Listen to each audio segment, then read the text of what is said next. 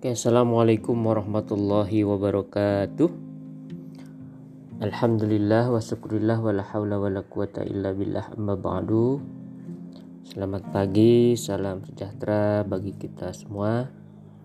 Alhamdulillah di pagi hari ini kita bisa berjumpa kembali dalam perkuliahan metode penelitian pendidikan di SD.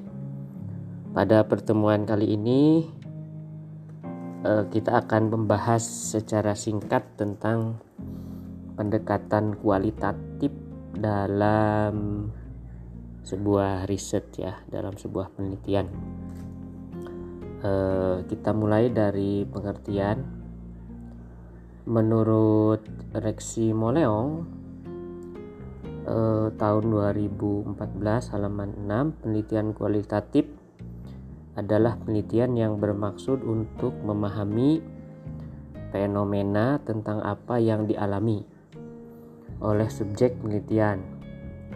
Misalnya perilaku siswa, perilaku pedagang, perilaku pemilih, perilaku pasien, ya. persepsi orang ya manusia kalau persepsi mesti manusia nggak mungkin binatang ya motivasi tindakan ya dan lain-lain secara holistik dengan deskripsi dalam bentuk kata-kata dan bahasa pada suatu konteks khusus yang alamiah dan dengan memanfaatkan berbagai metode ilmiah.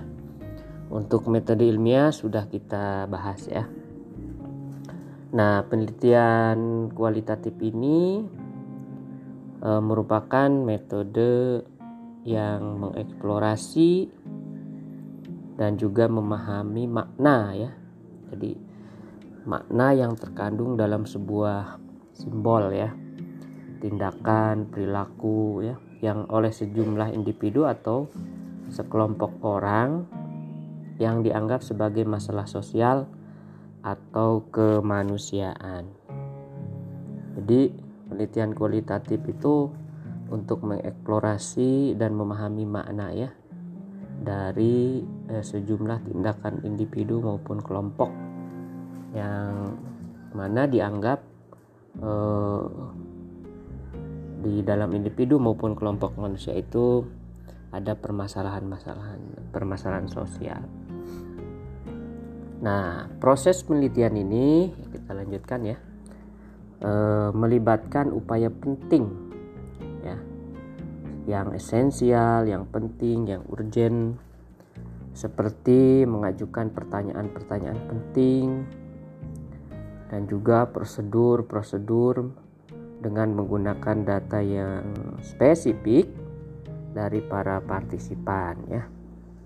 Jadi kalau kualitatif itu disebutnya partisipan atau informan. Kalau yang kuantitatif disebut dengan responden gitu ya. Kemudian setelah kita ajukan pertanyaan dengan menggunakan data yang spesifik, kita analisis data tersebut dengan e, secara induktif mulai dari tema-tema yang khusus ke tema-tema yang umum dan juga sekaligus menginterpretasikan atau menafsirkan makna data tersebut. Ini menurut siapa? Menurut Creswell ya.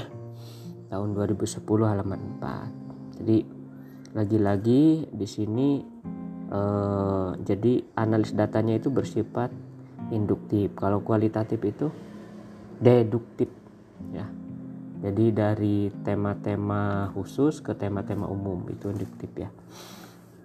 Kemudian menurut Idrus tahun 2009 halaman 23 bahwa penelitian kualitatif adalah e, meneliti informan sebagai subjek penelitian dalam lingkungan kehidupan kesehariannya.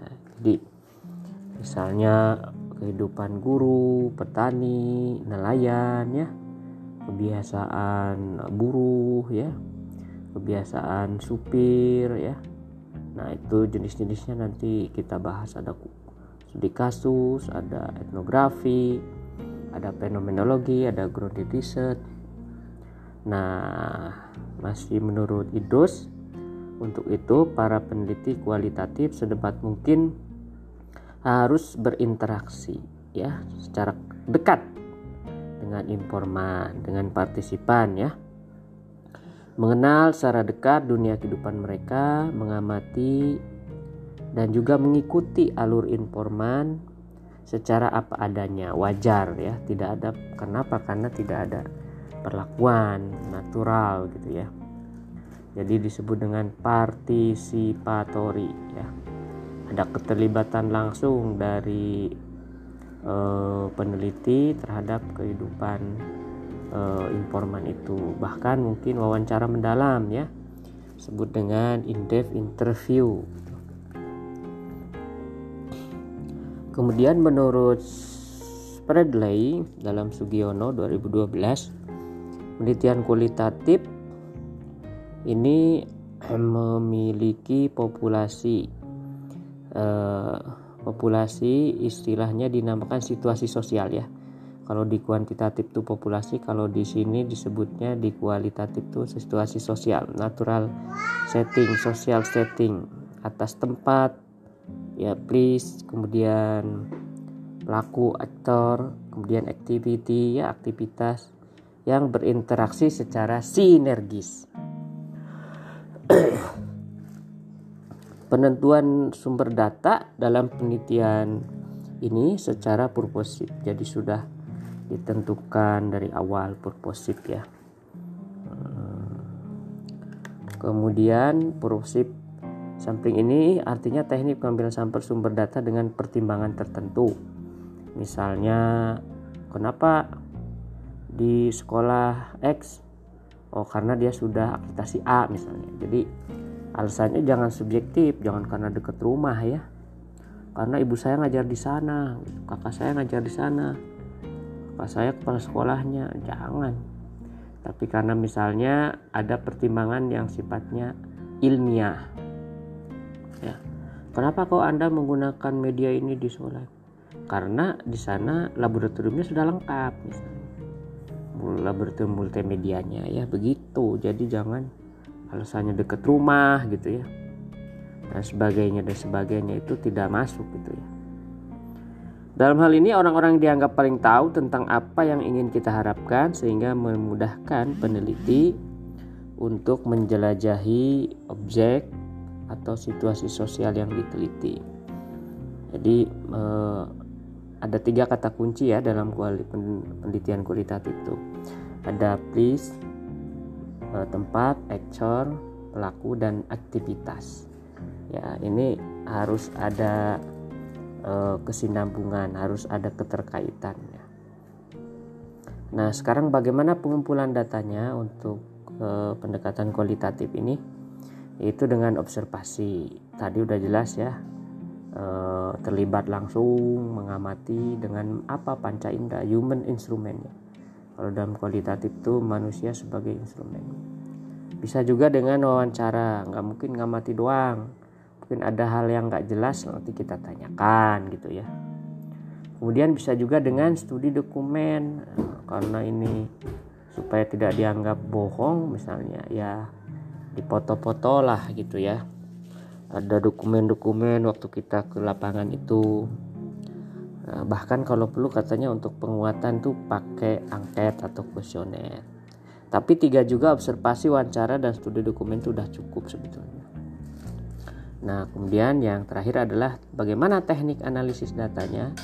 Nah, ini menurut Miles and Haberman sudah banyak dikutip dan dipakai oleh mahasiswa UPIN pertama reduksi data. Jadi data yang kita dapatkan tuh dipilah dipilih mana yang perlu tidak perlu penting tidak penting ya mana yang mendukung terhadap masalah mana yang tidak gitu. Kayak orang napi beras ya. Kalau gabahnya itu dibuang gitu, berasnya kita ambil. Yang kedua penyajian ya. Disajikan datanya itu display data. Nah setelah data di display baru kemudian verifikasi dan penarikan kesimpulan ya. Nah, setelah verifikasi dan penekanan kesimpulan, maka selesailah rangkaian riset yang kita laksanakan. E, maka e, tinggal menyusun saja ya. Menyusun eh, apa penelitian kita. Demikian yang dapat bapak dapat sampaikan. Kurang lebihnya mohon maaf. Wabillahi taufiq wal hidayah. Walaupun minggum wassalamualaikum warahmatullahi wabarakatuh